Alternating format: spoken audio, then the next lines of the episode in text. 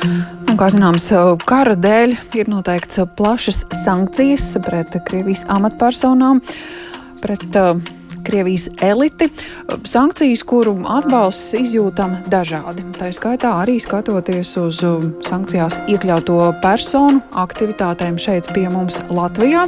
Un par to interesēsimies pēcpusdienas programmu turpinot gan par finanšu līdzekļiem, gan par uzņēmumu daļām, gan arī par šo cilvēku nekustamajiem īpašumiem. Un Tieslietu ministra biroja vadītāja Alde Bukšu tādēļ vispirms esam aicinājuši uz sarunu. Labdien!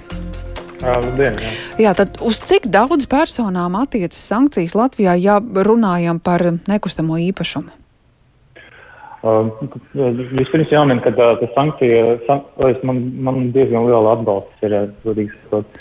Bet, uh, ko es gribēju minēt, kad uh, šobrīd tātad uh, notiek darbs gan uzņēmuma reģistrā, gan tiesu administrācijā, gan arī valsts zemes dienestā, lai uh, salīdzinātu un, uh, tā teikt, izķertu tos uh, tos īpašumus, kuri atrodas sankcionēto personu īpašumā vai, vai saistīti ar sankcionētajām personām. Šis sankcionēto personu saraksts, kas ir publicēts nu, Eiropas Savienības līmenī, viņš ir ļoti garš un līdz ar to precīzi skaitu mēs šobrīd vēl nevaram pateikt, jo mēs ejam cauri šim sarakstam, lai atrastu nu, šos īpašniekus mūsu reģistros, bet tas, ko es varu pateikt, piemēram, kad pagājušajā nedēļā liegums tika uzlikts trīs īpašumiem.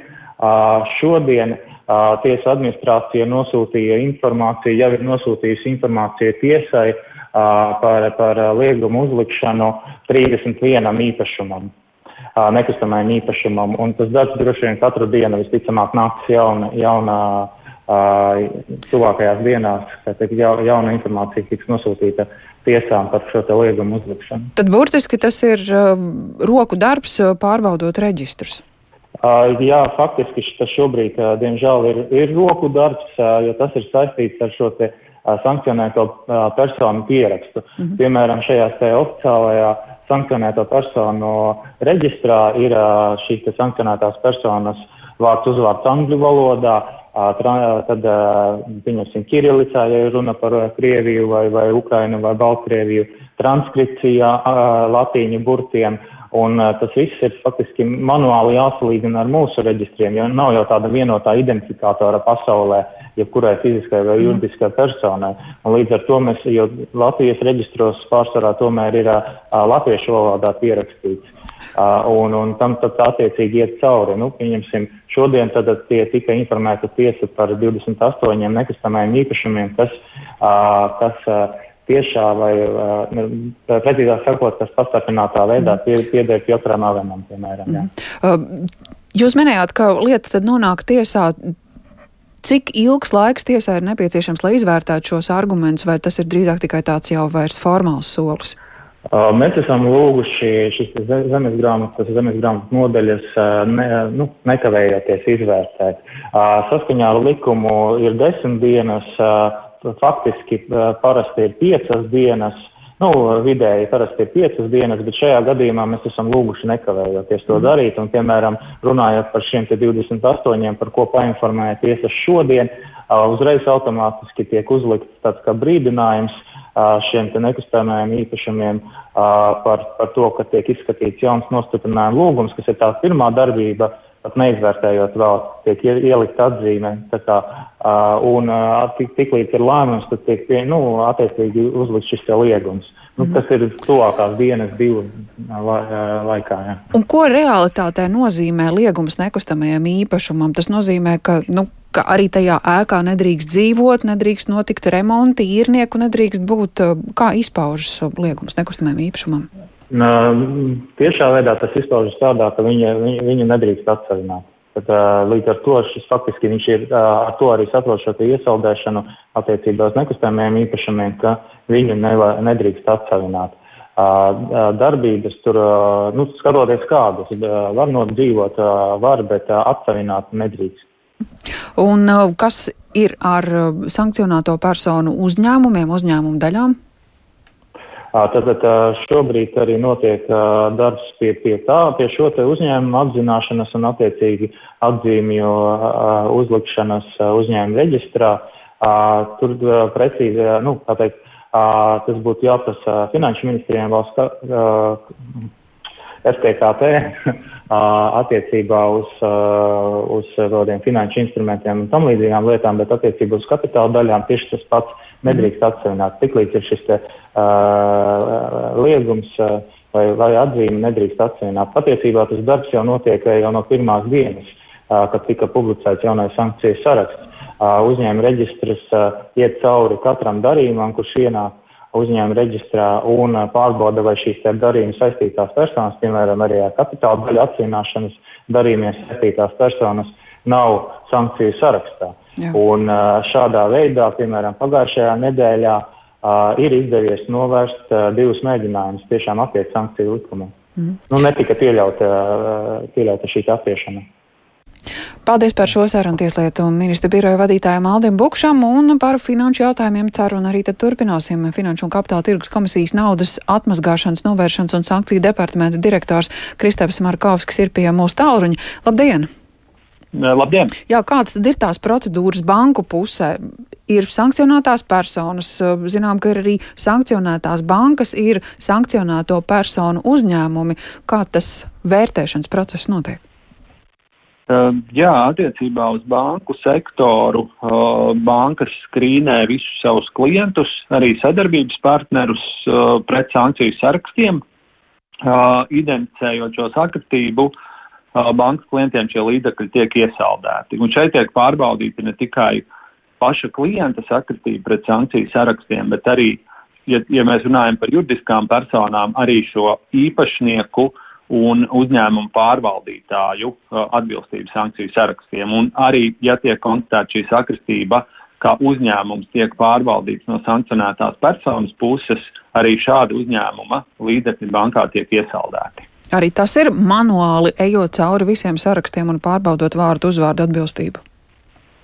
Šeit es gribētu teikt, ir divu līmeņu process. Pirmais ir uh, tehniska, tehnisks process, tās ir sistēmas, kuras skrīnē tiek uh, sistēmā ielasīti šie sankcionēto personu uh, vārdi uh, un notiek uh, tehniska pārbaude.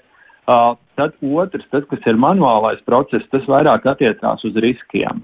Bankas redz arī, teiksim, klienta sadarbības partnerus, un ja viņi redz, piemēram, ka klients ir daudz sadarbojies, teiksim, ar Krievijas reģionu, tas nozīmē, ka banka arī veiks pastiprinātu uzņēmuma pārbaudi, lai pārliecinātos, ka zem šī uzņēmuma kaut kādā veidā neslēpjas uh, šīs sankcionētās personas, jo uh, nu, bankas skatās ne tikai šo tiešo saskatību, bet arī cenšas identificēt tos potenciālos gadījumus, kur varētu mēģināt apiet šīs sankcijas, jo, protams, ka visi šīs sankcionētas tās personas ir labi informētas par to, ka viņas ir sankciju sarakstos, un uh, tāpēc tiek mēģināts arī veidot vai nu dažādas sarežģītas īpašnieku struktūras, vai izmantot kādas personas, zem kurām uh, attiecīgi varētu slēpties. Tāpēc ir arī šis uh, papildus pārbaudas process, kas attiecās tieši uz uh, sankciju apiešanas riskiem, kur uh, nevar, nevar nodrošināt šo uh,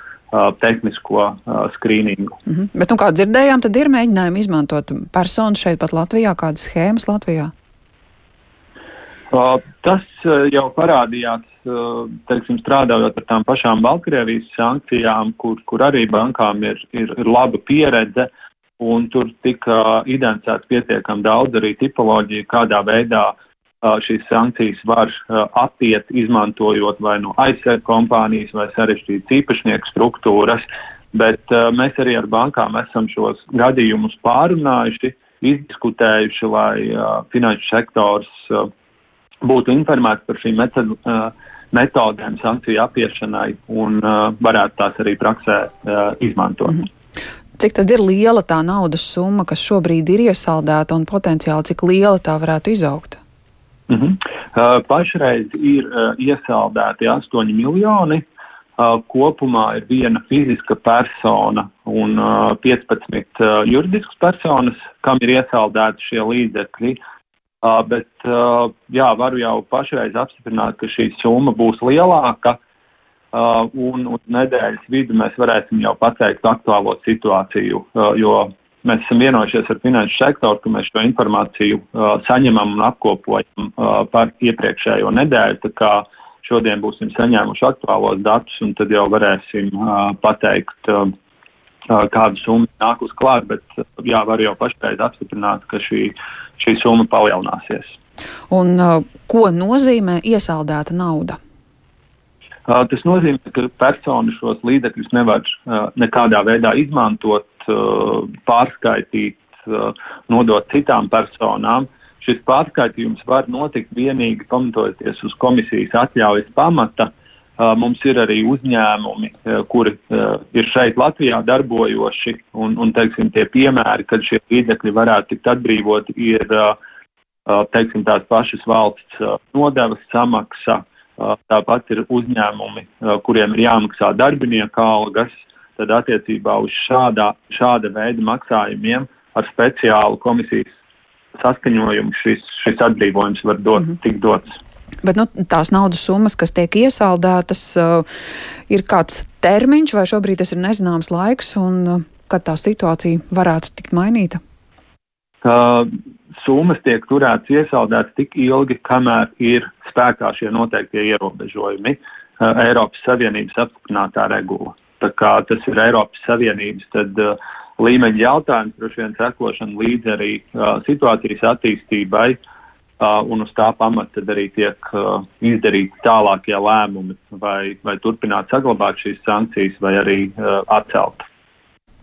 Paldies par šo stāstījumu FKTK naudas atmazgāšanas novēršanas un sankciju departamentu direktoram Kristapam Markauskim. Tātad nedēļas vidū precīzāka atjaunināta informācija šobrīd Latvijas bankās ir iesaldēta aptuveni 8 miljoni eiro, kas saistīti ar sankciju sarakstā esošām personām.